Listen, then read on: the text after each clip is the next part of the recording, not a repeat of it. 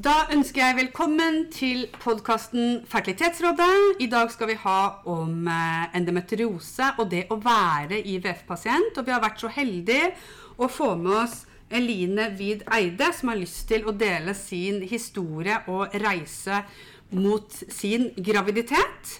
Eh, velkommen til deg. Eh, Vi har også med oss gjesteekspert Jon Hausken, som har fulgt pasienten i perioder. Og vi gleder oss til å um, ta opp eh, temaer og spørsmål innen det å være IVF-pasient og det å slite med endometriose. Er du ufrivillig barnløs? I denne podkasten vil du få råd, veiledning, kunnskap, forskning og ikke minst underholdning. Alt innen fertilitet og veien til ønskebarnet. Fra et terapeutisk perspektiv av meg, Tone Bråten, terapeut, veileder og forfatter og gründer av Fertilitetshjelpen. Og også fra et medisinsk perspektiv ved hjelp av gjesteekspert Jon Hausken fra Klinikk Hausken. Og ikke minst blir det episoder med høyaktuelle gjester. Velkommen til din nye podkast å lytte til.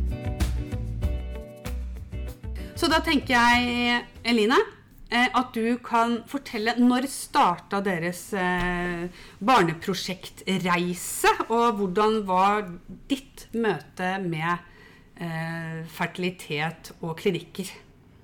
Først og fremst, takk for at jeg får lov å komme. Det syns jeg er skikkelig skikkelig stas. Gøy å få lov å komme og være en stemme for kvinner der ute med endometriose, og ikke minst IVF-pasient. Reisen vår begynte vi, Jeg traff mannen min i, på våren 2016. Og allerede etter seks måneder så begynte vi å tenke hm, dette er en veldig veldig god match. Vi har lyst på barn. Det gikk fort. Et års tid brukte vi vel bare på å ja, hjemmeprøving, for å si det sånn. Og så følte jeg på meg at noe ikke helt stemte. Det var noe som ikke var som det skulle. Jeg hadde veldig mye menstruasjonssmerter. Eh, og da ble vi henvist til en gynekolog som gjorde en sånn kontrastvæsketest av Ja, det er altså, du, du setter inn kontrast i livmorhulen, eh, og så gjør du ultralyd, og da kan du se om kontrasten glir lett over i egglederne, for å få sett liksom, om de har en god eh, funksjon. Ja. Og svaret på den testen var jo egentlig at ting så veldig bra ut. Det var det ikke noe å egentlig bekymre seg over.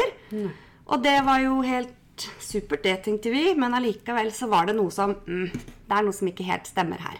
Hadde veldig vondt egentlig fra eggløsning fram til menstruasjon og et par dager etter. Så etter et års tid så kom vi inn da på det offentlige. Prøverørssystemet der. Ja. Eh, hadde et par, jeg hadde et, først ett uttak. Mm. Vi hadde da et ferskt innsett som ikke ble noen ting. Men vi fikk seks egg på frys. Så når det da ferskforsøket ikke gikk, så hadde vi et frysforsøk hvor de satte inn to egg. Som egentlig var ganske uvanlig. For dette var jo da 2018. Og da var jo jeg Og nå er jeg skal vi se, 34. Så jeg var jo fremdeles ung, da. Fikk du noen forklaring på hvorfor de satte inn to? Dere fikk vel et tilbud? Nei, altså de, jeg kom dit på selve innsettdagen, og så sa de ja, da setter vi inn to. Så ble jeg litt sånn OK. Eh, kjør på, Ja. tenkte jeg. Ja. Og det gikk jo heller ikke. Og så hadde de sagt at hvis det ikke var noe vellykket, eh, eller at jeg ikke ble gravid på et par runder, så skulle de gjøre en utredning da på endometriose. Ja. Og da kom jeg over til en spesialist som undersøkte, undersøkte meg. Og da kom jeg faktisk veldig raskt inn på en eller, operasjon da, på en laparoskopi. Ja. Hvor de fant endometriosevev egentlig da i hele, buk, i hele buken. Overalt. På eggstokker, på eggledere, på livmor, men også andre, andre organer. da. Oi. Så det var jo det var litt tøft å få, få den beskjeden. Men da tok de vel kanskje òg undersøkte egglederne samtidig på nytt igjen når de gjorde laparoskopi? Det tror jeg de gjorde, ja. Og da hadde det jo gått ganske Det hadde ikke gått så mange månedene. Det hadde kanskje gått syv måneder syv-åtte måneder fra jeg hadde gjort den kontrastvæskeundersøkelsen. Mm. Og på den tiden hadde det skjedd mye. Så da sto det ganske dårlig til der. Så etter den operasjonen kom jeg meg egentlig ganske kjapt. Og så gjorde vi enda et frysforsøk hvor de satte inn to nye egg. Og da ble jeg gravid. Men jeg skjønte at noe ikke var som det skulle. Og det var ikke fordi jeg hadde mye blødninger, jeg hadde ikke spesielt mye vondt, men jeg kjente at det, dette kommer til å gå over. En veldig, veldig merkelig følelse. Du bare visste det. Jeg visste at her er det noe galt. Og så plutselig så eh, begynte jeg å blø og fikk veldig, veldig vondt. Eh, dro for en sjekk, og da sa de at du har spontanabortert. Det er det som har skjedd her. Og så ble jeg sendt tilbake etter et par dager, for da skulle jeg ta blodprøve. Og da så de jo det at nivåene dine har jo gått oppover, og ikke ned. Altså HCG, Oh, ja. eh, gravidhormonet. Det har økt. Ja. Og da ble jeg tatt inn med en gang. Og da mis mistenkte de da en XU, graviditet utenfor livmoren. Og der satt den da i overgangen mellom livmor og eggleder. ja. Og da gikk det ganske kjapt. Da, jeg var bare sånn stakk innom egentlig jobben jeg, på Ja, lunsjen. ja. Og sa at jeg skal bare opp eh, bare på sykehuset en tur, og så kommer jeg tilbake. Men måtte de fjerne egglederen da, eller, Ja. Eller bare åpne det igjen og saug ut på en måte fostermaterialet? Den ble fjernet helt. For ofte når det sitter helt i overgangen, så kan det faktisk være litt vanskelig òg, fordi at det oppstår ofte ganske kraftige blødninger når det sitter helt tett opp mot livmoren. Ja. De sa det at de tok en bitte, bitte, bitte liten bit av livmoren også. Ja. Men de sa at det ikke ville ha noen konsekvens for eventuelt fremtidige graviditeter, da. Heldigvis. Du, bare fordi at du har jo en kjempe, kjempekjekk story som vi skal høre på, men eh, bare for å skyte inn det der med at du fikk to begge gangene. Eh, og da kan jo ikke jeg si absolutt hvorfor du gjorde det, men jeg, jeg har jo en formening hvorfor. Fordi at det, når du tiner opp embryo som du har frosset, så kan du enten få fullstendig overlevelse. La oss si at du frosser ned på dag tre. Da, sant?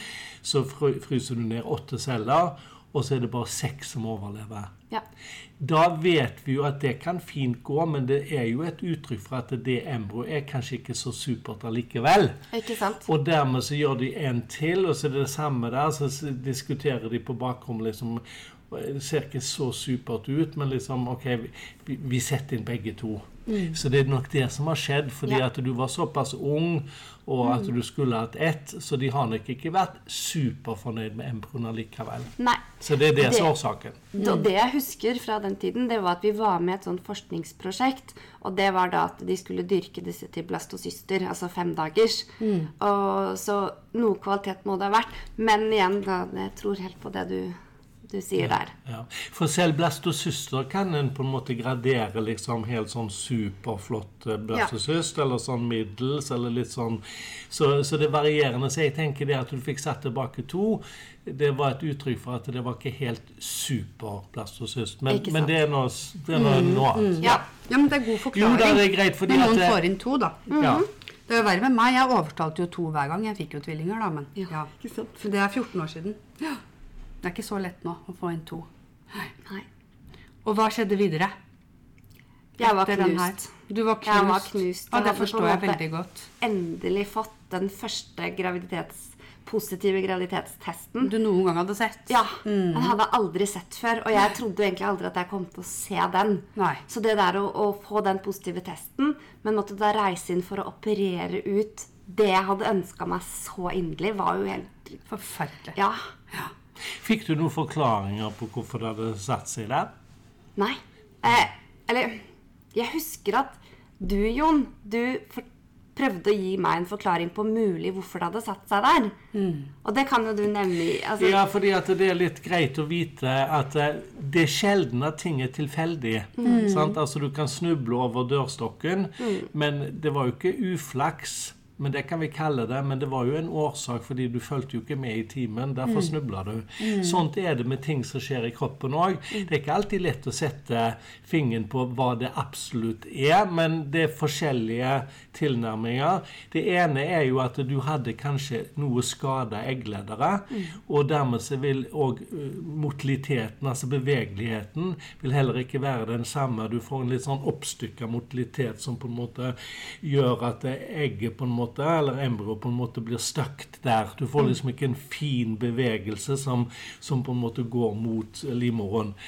Eller, og det som er mer interessant, er jo hva med dette med å feste seg, det som vi kaller for implantasjon?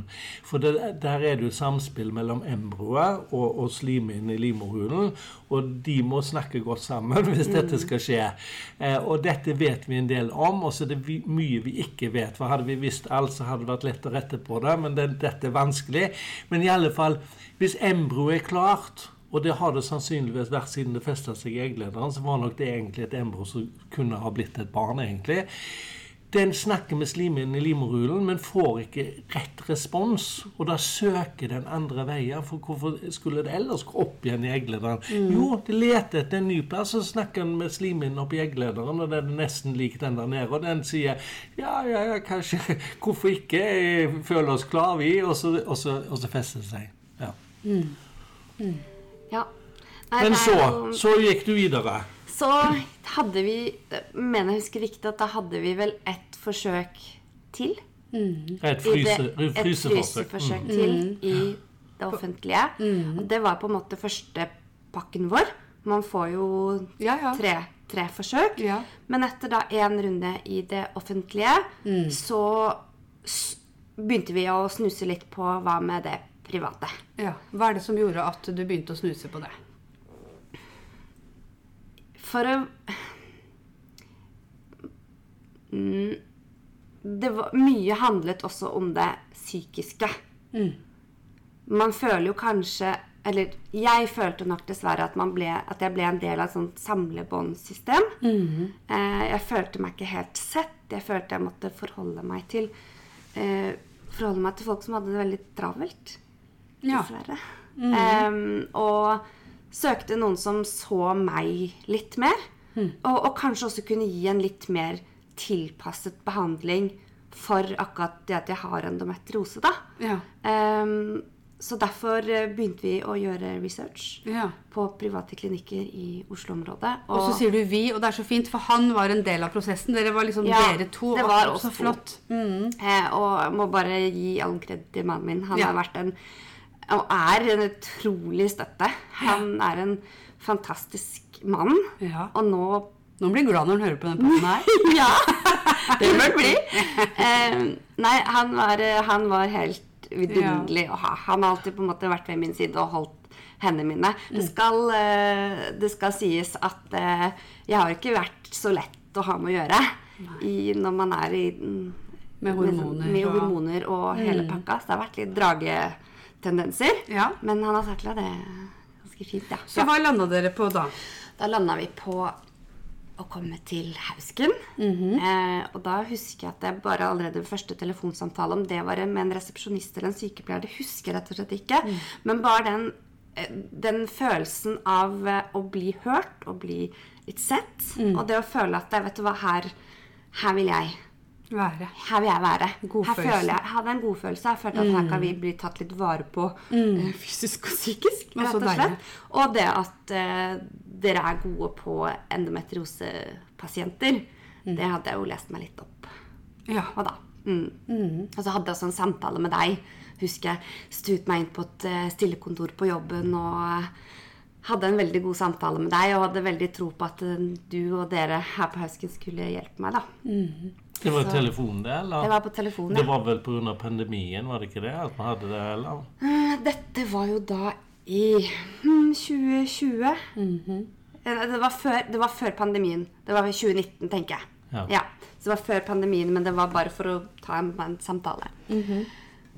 Og så kom vi jo raskt i gang her.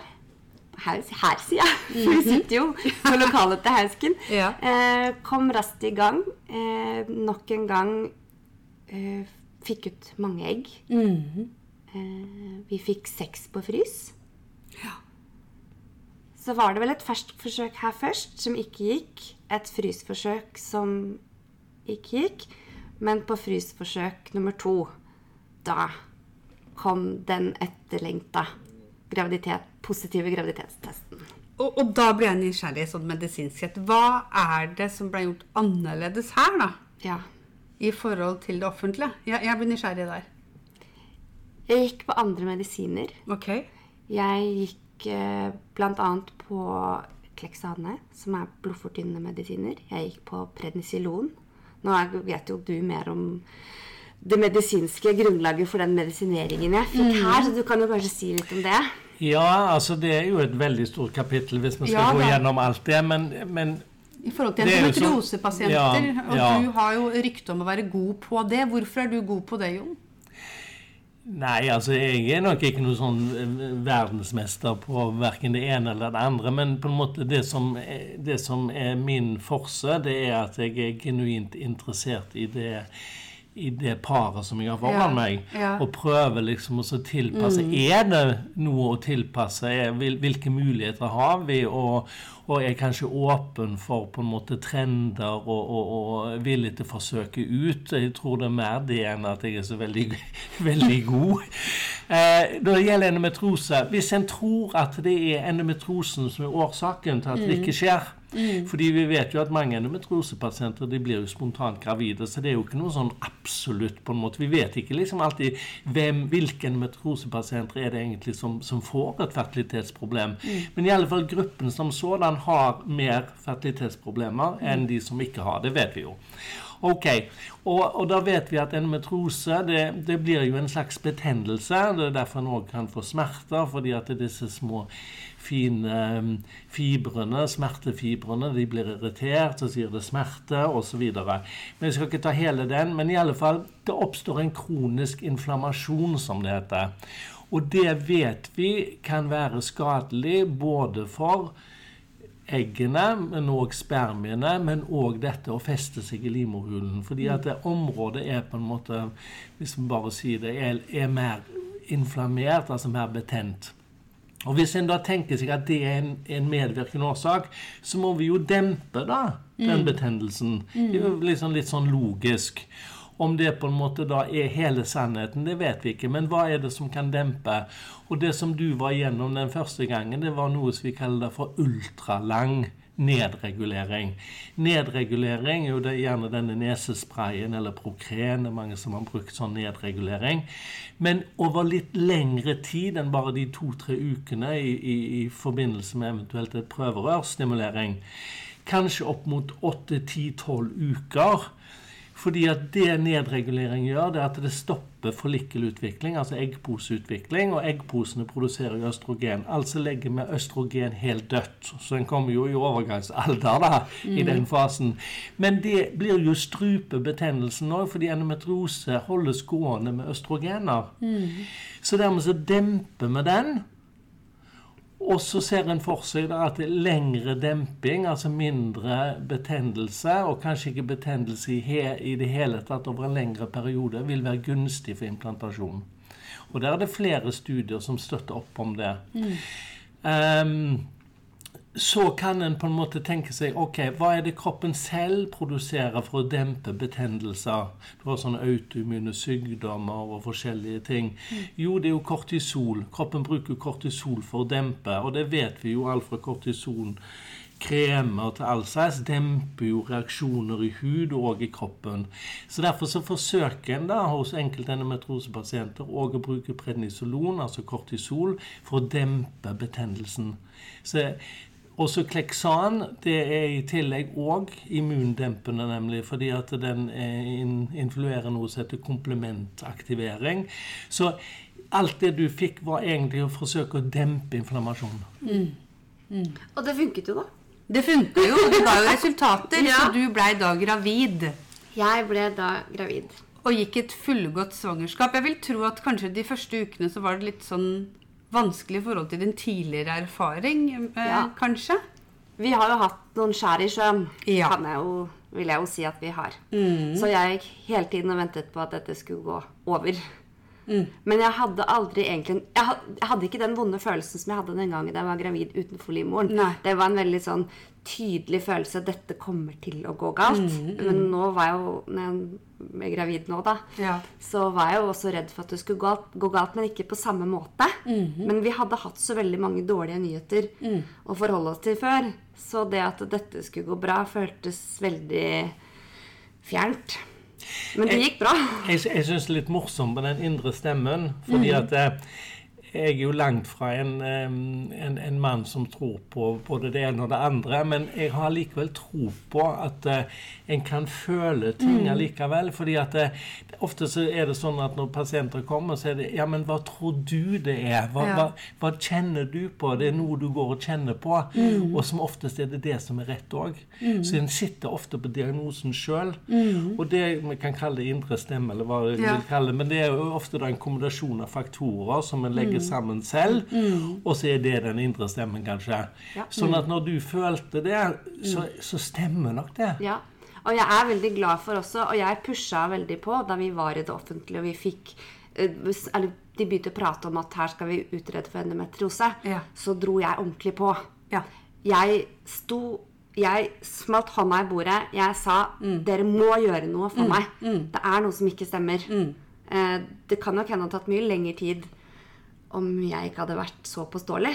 Eh, og jeg vet jo det at jeg er absolutt ikke av de kvinnene som har det verst. Det er mange som har det mye, mye verre enn meg sånn smertemessig, da.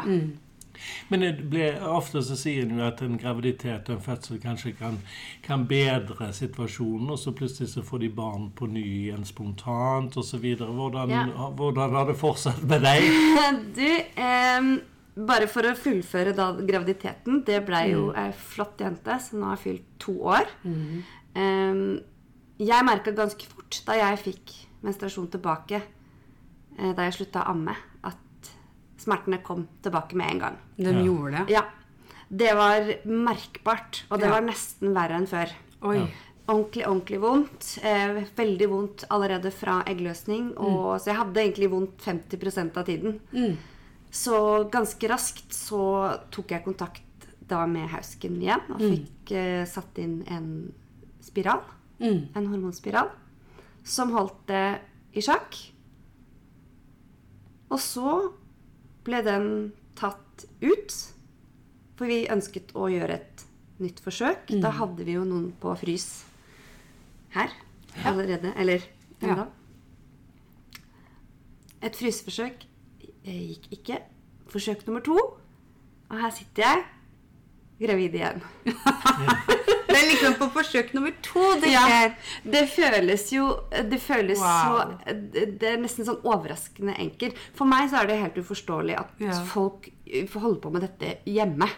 Eh, altså uten medisinsk hjelp. Altså de Ja, ja. At det plutselig bare går liksom Ja, av seg selv. så for meg så er det helt uforståelig. Det går nesten ikke an å tenke seg. Men Nei. at det gikk på andre forsøk, er jo også føles ut som en sånn veldig, veldig veldig kort og fin reise. Eh, men eh, Så det blei på de du hadde på frys, da du slapp å ha nytt uttak? ja, heldigvis. Så deilig. Ja, det var veldig godt. Da slapp du mye. Men det passer med statistikken, fordi at hvis en på en måte Når det gjelder et embryo som ser fint ut Det er jo ikke alltid det ser så fint ut heller, så liksom, der må du liksom ha litt avveininger. Men et embryo som ser fint ut, den har 50-50 sjanse. ja. Så det passer jo det med annenhver gang, for å si det sånn. Så det var vel aldri gangen på den XU-en òg. Ja. Ja. ja første, Så, gang, men første neste, gangen neste gang så hopper vi over den. Først vi bare gjør som vi gjør, og så tror du at det er nummer to. ja. Da går du bare på syke? Nei da. Ja, jeg, får, jeg tror vi får diskutere det litt etter hvert. Ja, ja, jeg tror tror vi tar nummer to nå, ja. tar, tar Og så har du hund og alt mulig rart, da. Men jeg har lyst til å bare Vil du ta Ja, medisinsk? fordi brukte du, brukte du noe liksom eh, inflammasjonsdempende i forbindelse med disse neste eh, fryseforsøkene? Disse fryseforsøkene som vi har hatt nå, da, det har jo da vært i naturlig syklus. Eh, men brukt både Kleksane og prednisolon. Ja. Jeg vil tro at det her skaper så mye håp for de der ute som sliter med eh, endometriose. For det er jo noen som tenker at jeg kommer aldri til å bli gravid med endometriose. Nei, for det tenkte jo jeg òg.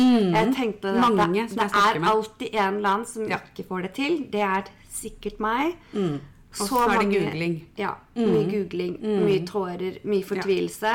Og det at jeg Da kom jeg inn i bildet. Det gjorde du, Tone. husker jeg. For jeg hadde sam- noen samtaler med dere online. Det flotte paret. Hvordan var det å være altså Da var du IVF-pasient, og hadde ikke lykkes ennå. Det var mye sånn fortvilelse, husker jeg. Der å klare, klare å holde ut i det hele tatt. Hva er det som hjalp deg da, føler du? Å, da var vi langt nede, føler jeg. Jeg husker det. Eh, Vi følte at vi hadde holdt på i en evighet. Følte egentlig at også litt vår terapi gjennom hele IVF og prøverørsbobla har vi vært veldig åpne. Men veldig ofte så kan folk komme med velrådende eller velmenende råd. Velmenende råd. Velmenende råd som kan ofte slå litt feil. Ja. Så det da å komme i kontakt med deg, og vi har samtale med deg, var så deilig. Um, du var jo utenforstående, men du På den tida. på den, på den tida. Men du Jeg følte at du skjønte meg så innmari godt. Jeg følte at de tankene jeg hadde i hodet, som jeg nesten ikke tør å si høyt, altså at, eller turte å si høyt, de kunne jeg si til deg. Og du fortalte meg at det var helt vanlig. Det var så godt å høre at jeg ikke hadde blitt helt gal. Nei, det er du ikke, vet du. Litt gal i perioder. Ja. Nei, men det var veldig godt. Og følte at man ble hørt, man ble forstått, og Mm. fikk virkelig noen gode tips og råd. Jeg husker en gang så hadde jeg vært på, vært på jobb, hadde det skikkelig tungt. Jeg dro hit, snakket med deg. Og jeg husker jeg var helt nedsylta i tårer og snørr. Og så sier jeg sånn Nei, men jeg må egentlig tilbake på jobb. Og så sa du du skal ikke tilbake på jobb nå. Nå skal du gjøre noe som er skikkelig fint for deg. Og da hadde vi en Vi hadde ikke fått hunden vår ennå, men vi venta på å hente Benny, som han heter. Eh, da dro jeg og kjøpte hundeseng til han. Et par leker. Kom hjem, dro på en løpetur i skogen. Og da tenkte jeg at hun dama der hun skal man snakke litt og lytte litt til når man har det tøft. Så det vil jeg oppfordre alle endometriosepasienter eller fertilitetspasienter, hva det måtte være. Og det tenker jeg òg er veldig viktig. Og derfor er jeg så glad for at eh, Tone er med oss, fordi hun er verdens beste. Og fordi at veldig mange tar ikke det skrittet. Jeg kjenner på meg selv òg. Altså, jeg jobber lenge med meg sjøl før jeg tar en hånd ut og prøver å få hjelp fra noen. Mm. Fordi du, du sitter der og vil liksom ikke ja, Kanskje det at ikke dele, eller mm. Men det å bare gå ut på en måte, vet du hva. Vi føler egentlig at vi kanskje ikke har de store problemene, men det er noen ting og tang vi lurer på. Det Ja. er godt å få tatt den, så kanskje det bare blir med den ene samtalen. Noen trenger flere. Man må liksom tenke på at eh, terapi eller veiledning er å sette av tid til seg sjøl. Det er jo det, og det er jo det vi ofte er, er dårlige på. Det er ikke det, Noen ganger er det ikke bare det at man skal snakke med noen, men det er bare at man er ikke vant til å sette seg sjøl først. Alt annet kommer før en sjøl. Og der har man en på en måte jobb å gjøre. Og jeg syns det er veldig sånn spennende sånn hvordan vi lever i dag, da med jobb og 18 innbokser på Snap, og det er Messenger, og det er Facebook, og det er mailer. Vi er tilgjengelig hele tiden. Vi blir stimulert, stimulert, stimulert. Og IVF, det krever så mye indre arbeid. Vi skal bearbeide, vi skal, vi skal på en måte holde håp og motivasjon oppe. Parforholdet skal være godt nok. Altså, det er så mye man skal jobbe med, så det er, viktig å sette av tid til seg sjøl. Denne timen er min, den her har jeg investert i. Nå skal hun lytte til meg, på en måte, og så må jeg ta de råd og veiledning. Men man må jo ha en terapeut som gir den trygge rammen. Trygge rommet, da.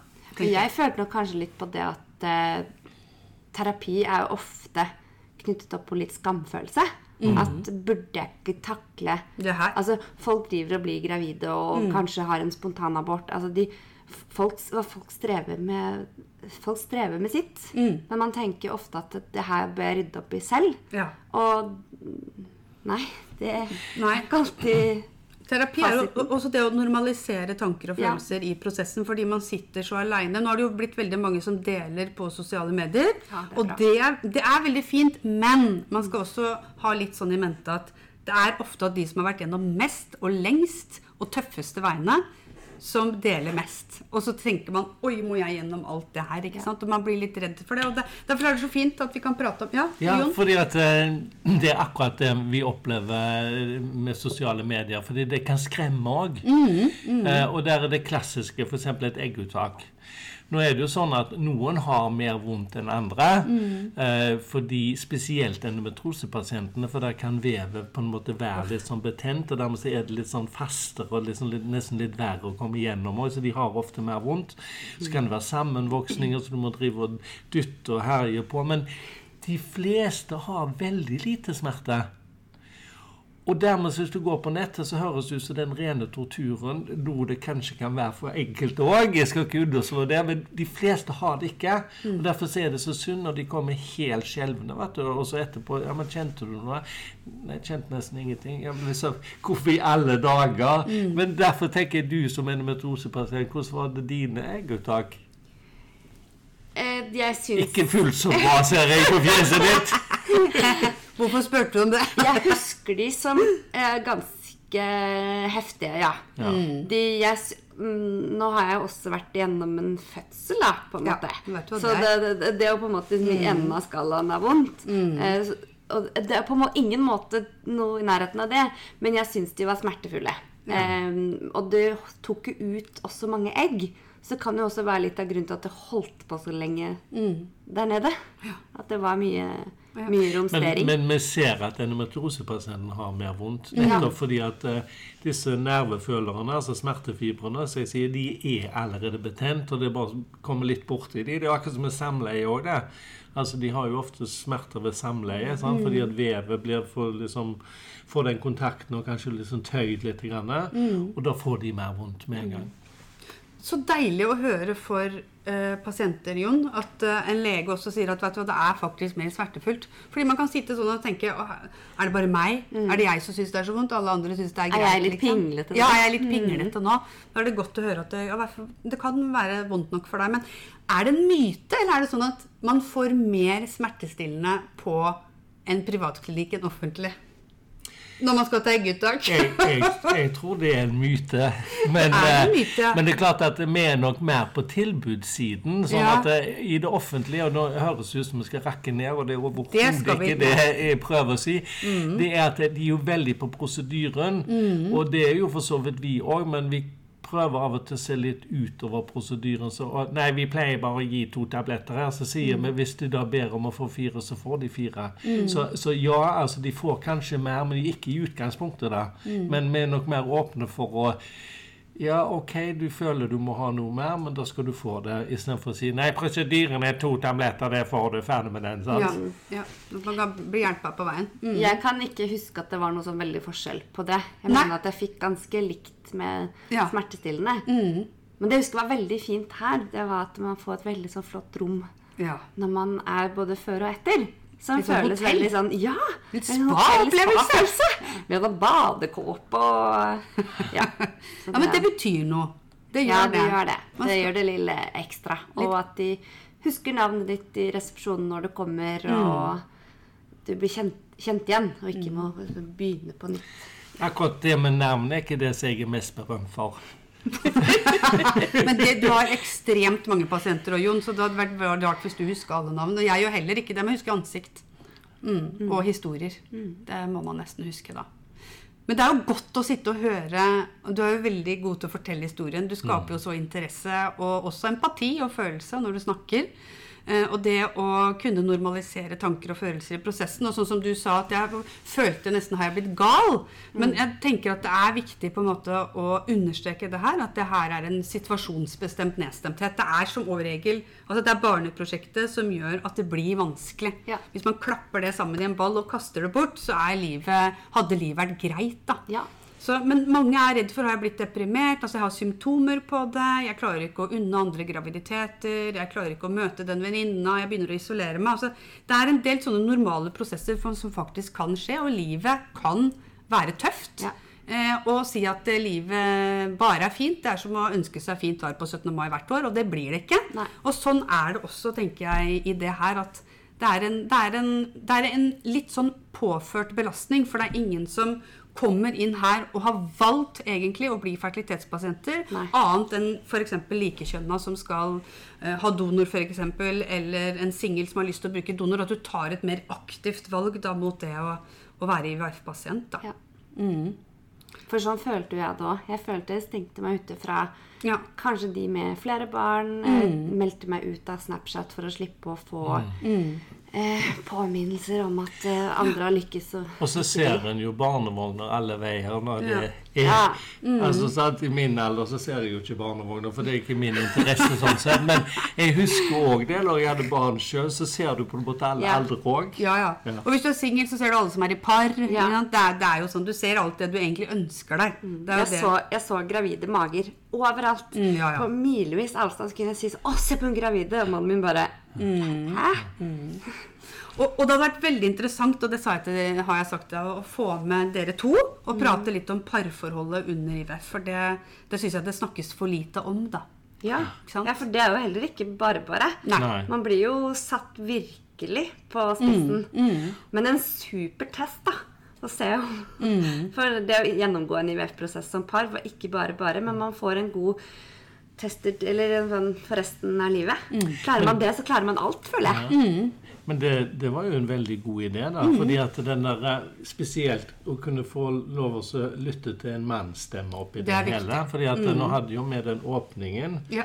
Og hun er jo sexolog, men hun er òg kvinne. Så Mm. Ja, ja. det ble på en måte liksom litt på den, den siden. Mm. Og den er jo ikke minst like viktig. Men også fått Hvordan oppleves det egentlig? Ja. Og De blir, jo satt, de blir jo satt på sidelinjen Ja. hele veien. Er Og han er villig til å være med. Ja. Da kan vi ikke si mer, for nå må lytterne bli sånn kjempeinteressert i denne episoden. Så nå må vi bare holde det litt sånn hemmelig. men, men vi skal få han med, og så skal vi snakke om parforholdet. Eh, jeg opplever nå at vi har fått hørt en kjempefin historie. Du har kommet litt inn, Jon, med det medisinske med det. Du sitter gravid, det lyser øya dine. Du har aldri sett deg mer vakker, og du er vakrere virkelig enn på bilder på Instagram. Men hvor kan man følge deg, Eline? For jeg vet at du har lyst til å være åpen og dele historie. Er det lyst til at du, Vil du ha noen følgere? Ja.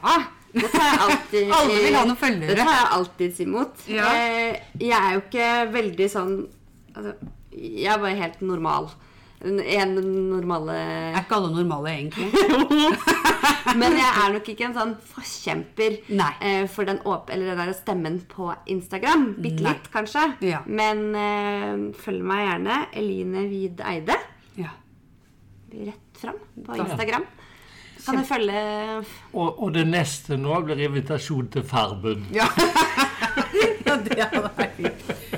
Tusen takk for besøket, for åpenheten din og ærligheten din, og at du delte reisa di til hjelp for eh, garantert eh, mange. Og takk til Jon, som kom med, med det medisinske perspektivet som spesialist på feltet. Det her tror jeg blir til hjelp for mange. Tusen takk. Tusen takk.